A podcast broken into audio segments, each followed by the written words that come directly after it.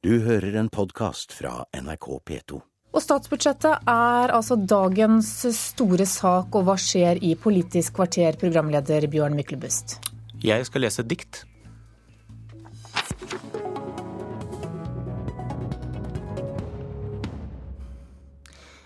Nesten hver kveld ser du en eller annen av dem i Dagsrevyen på TV.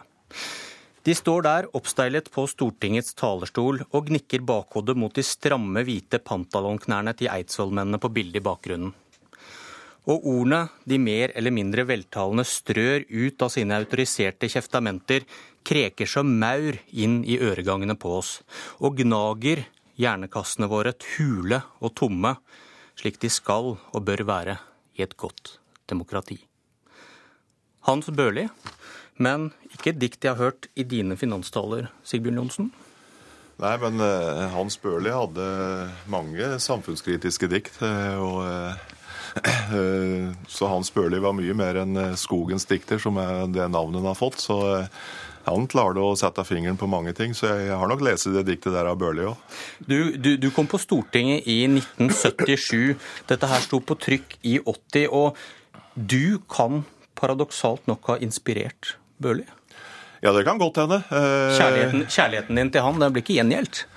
Jo da, jeg, jeg, jeg, tror nok det. altså I den forstand at uh, vi levde jo i hårvåres tid. Uh, Hans Børli var jo mye eldre enn meg. Jeg har møtt Hans Børli to unger i, uh, midt på 70-tallet i Elverum, og da han fikk fylkes, Hedmark fylkes kulturpris. så det er et lite savn at jeg for så vidt aldri har hatt muligheten til å prate mer med Hans Børli, egentlig. Men jeg, jeg får ta den med diktet hans. Hvor fikk han politikerforakten fra?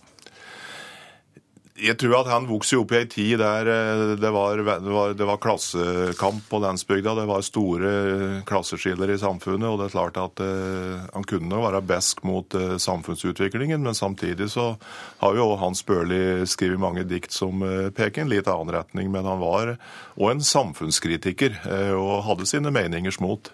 Er det hemmelig om du skal bruke han i dag? Det kan hende det kommer et par strofer av Børli, men så får vi se hva som kommer ellers. Ja. Du, du, du, hvorfor er det så viktig å holde budsjettet hemmelig til klokka ti? Det er fordi at det er Stortinget som skal få helheten i budsjettet. og det, For meg så er det viktig, og det har det alltid vært. men Uh, nå, har, nå, har, du sikkert tenkt å spørre om alle lekkasjene. Da, ja, okay. no, no, no, syns, jeg hadde et spørsmål her. Syns du selv det høres hult ut når du begrunner dette? var spørsmålet mitt som skulle komme nå. Jeg syns det har vært litt i overkant i år alle av lekkasjer. Men uh, helheten i budsjettet uh, kommer først klokka ti. og Det er klart at det har vært lekkasjer på, på enkeltområder, men budsjettet er en helhet. Og det er viktig at det òg presenteres i en helhet. Men statsministeren sitter på Dagsrevyen i går og lekker som en sil. og Hvorfor kan ikke du da bekrefte vår opplysning om at det vil bli brukt 125 oljemilliarder, 3,3% Hva er forskjellen? Det for det at finansministeren har sin rolle klokka ti den dagen han legger fram statsbudsjettet for Stortinget. Og det er da finansministeren både kommenterer det ene og det andre tallet, og det er da finansministeren legger fram helheten i statsbudsjettet. Er det greit at en stortingsrepresentant lekker fra statsbudsjettet? Jeg, jeg, har aldri vært spesielt glad i lekkasjer, og som vi, som jeg sier, at det, det, har nok vært i overkant nå. Men uh, det er, det er, nesten ikke til å unngå. Det er mange grunner til det. Én grunn er jo at uh, du har mye mer medier. Det er mange flere som jobber med den type spørsmål. Så, så det er nok et sammentreff av flere ting som gjør at det er noe i overkant i år av lekkasjer. Ok, det var Lysbakken jeg siktet til der sist. skal høre med politisk kommentator i NRK, Magnus Takvam. Bruker Sigbjørn Johnsen for mye oljepenger til at dette budsjettet vil kunne kalles stramt?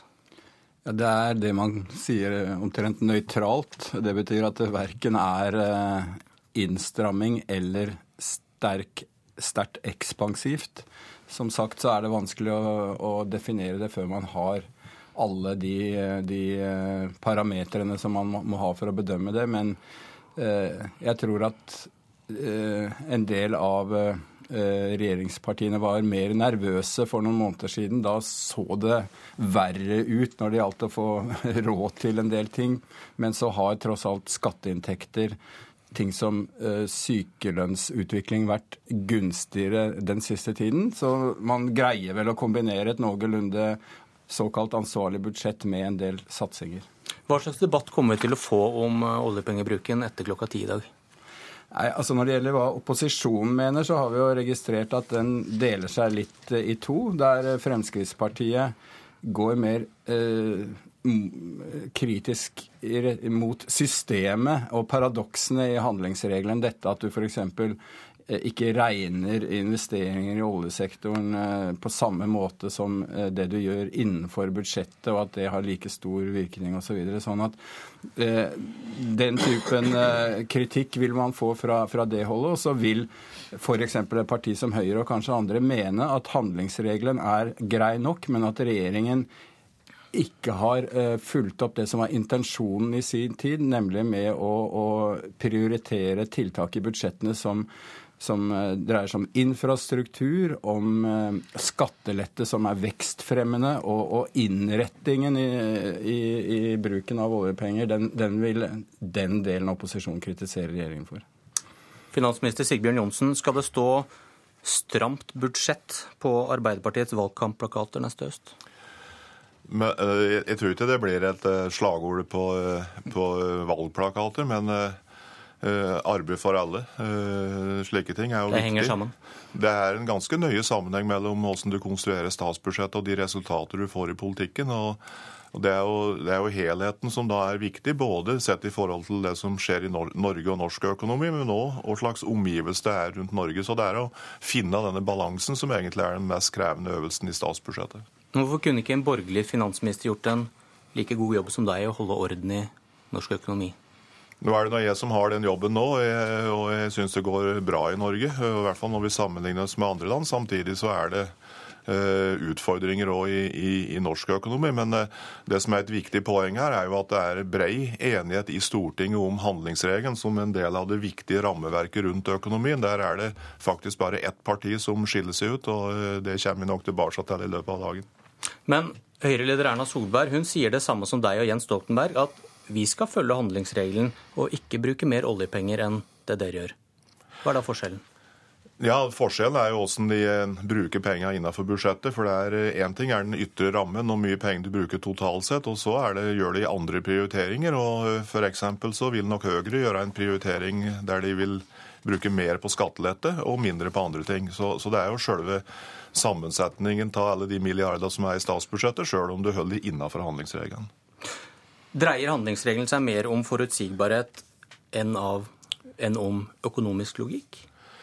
Det er litt begge deler. for eh, Den økonomiske logikken ligger jo i at hvis du skulle innrette eh, statsbudsjettet etter svingende oljeinntekter, altså at du skulle ta hensyn til oljeinntekten fra år til år, så ville du få stor ustabilitet. Så hele logikken ligger jo i at du skiller mellom det som er de løpende oljeinntekter inn eh, i statskassa og inn i statens eh, kasser, og hvor mye du skal bruke hvert eneste år. Og Jeg mener at det er en, en regel som gir stor forutsigbarhet og større stabilitet i den økonomiske utviklingen.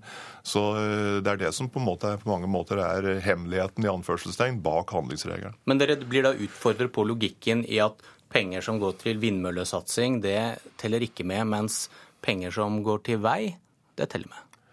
Alle de utgifter som eh, bidrar over streken i statsbudsjettet, eh, regnes med i handlingsregelen. Og all aktivitet, eh, både det som skjer i privat sektor og offentlig sektor, f.eks. når det gjelder investeringer, ligger til grunn for den helheten du har i statsbudsjettet. Så Men da kunne streken vært satt et helt annet sted, da, fordi dere tar hensyn til alt uansett? Det er to ting. For det første er det de utgiftene du bruker over den såkalte streken. Det som er under streken, er jo Dette blir litt eh, spesielt da, for de som hører på, kanskje. Vi er litt spesielle her.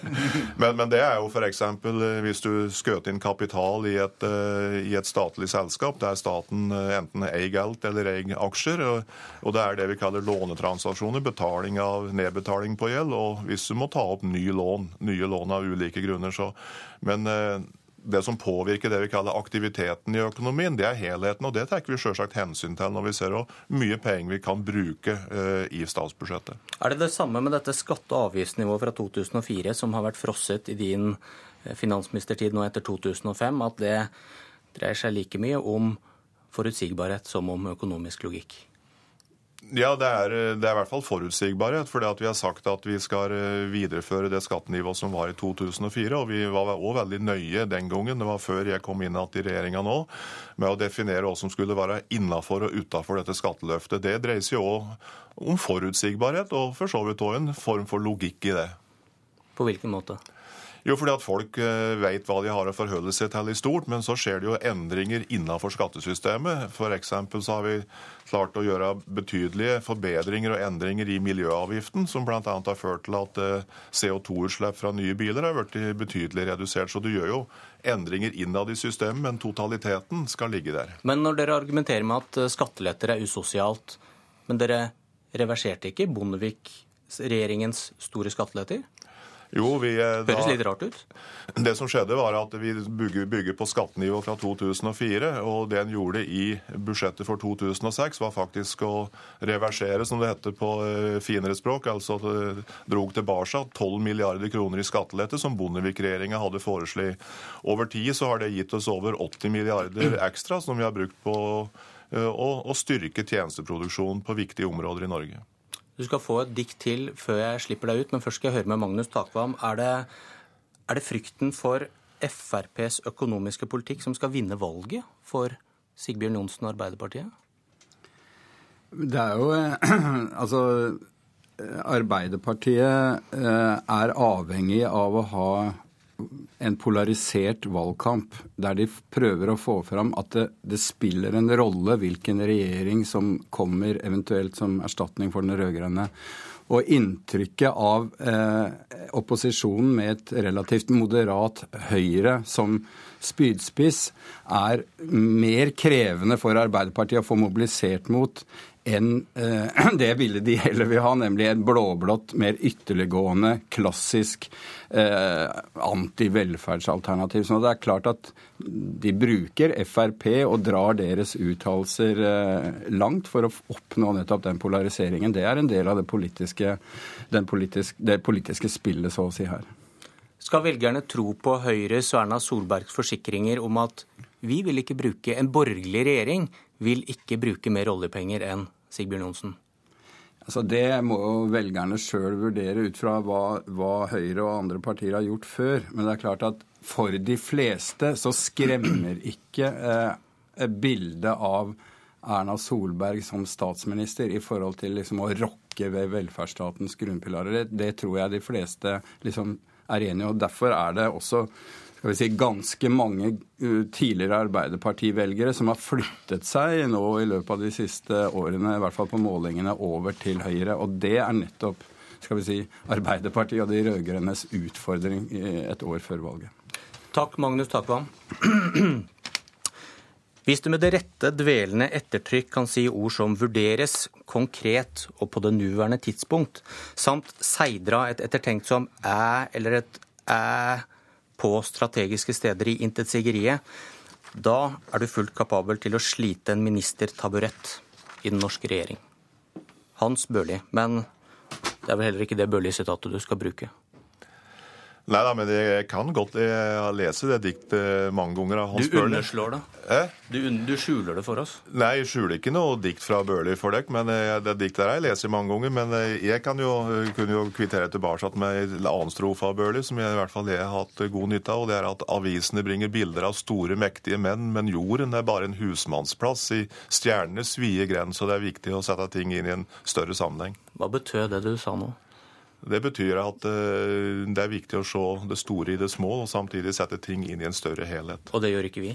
Jo, det gjør vi. Og det gjør i hvert fall eh, statsbudsjettet. Har du snart slitt ut din taburett, Sigbjørn Johnsen? Nei, jeg syns det er moro eh, å være finansminister. Og det er samtidig som det er en viktig oppgave å ha, så er det statsministeren som bestemmer tida han vil skifte ut statsråder. Men oddsen ser dårlig ut for om at det blir lyrikk fra talerstolen om ett år? Det tror jeg ikke vi skal utelukke. Det er det ene. Og det andre er at eh, det er ett år til valget, og eh, det er ikke bestandig det lønner seg å være i for tidlig form hvis du skal vinne løpet når, når startskuddet går den dagen løpet står. Da kan du ta din berømte hatt og gå. Lykke til med dagen. Takk i like måte. Du har hørt en podkast fra NRK P2.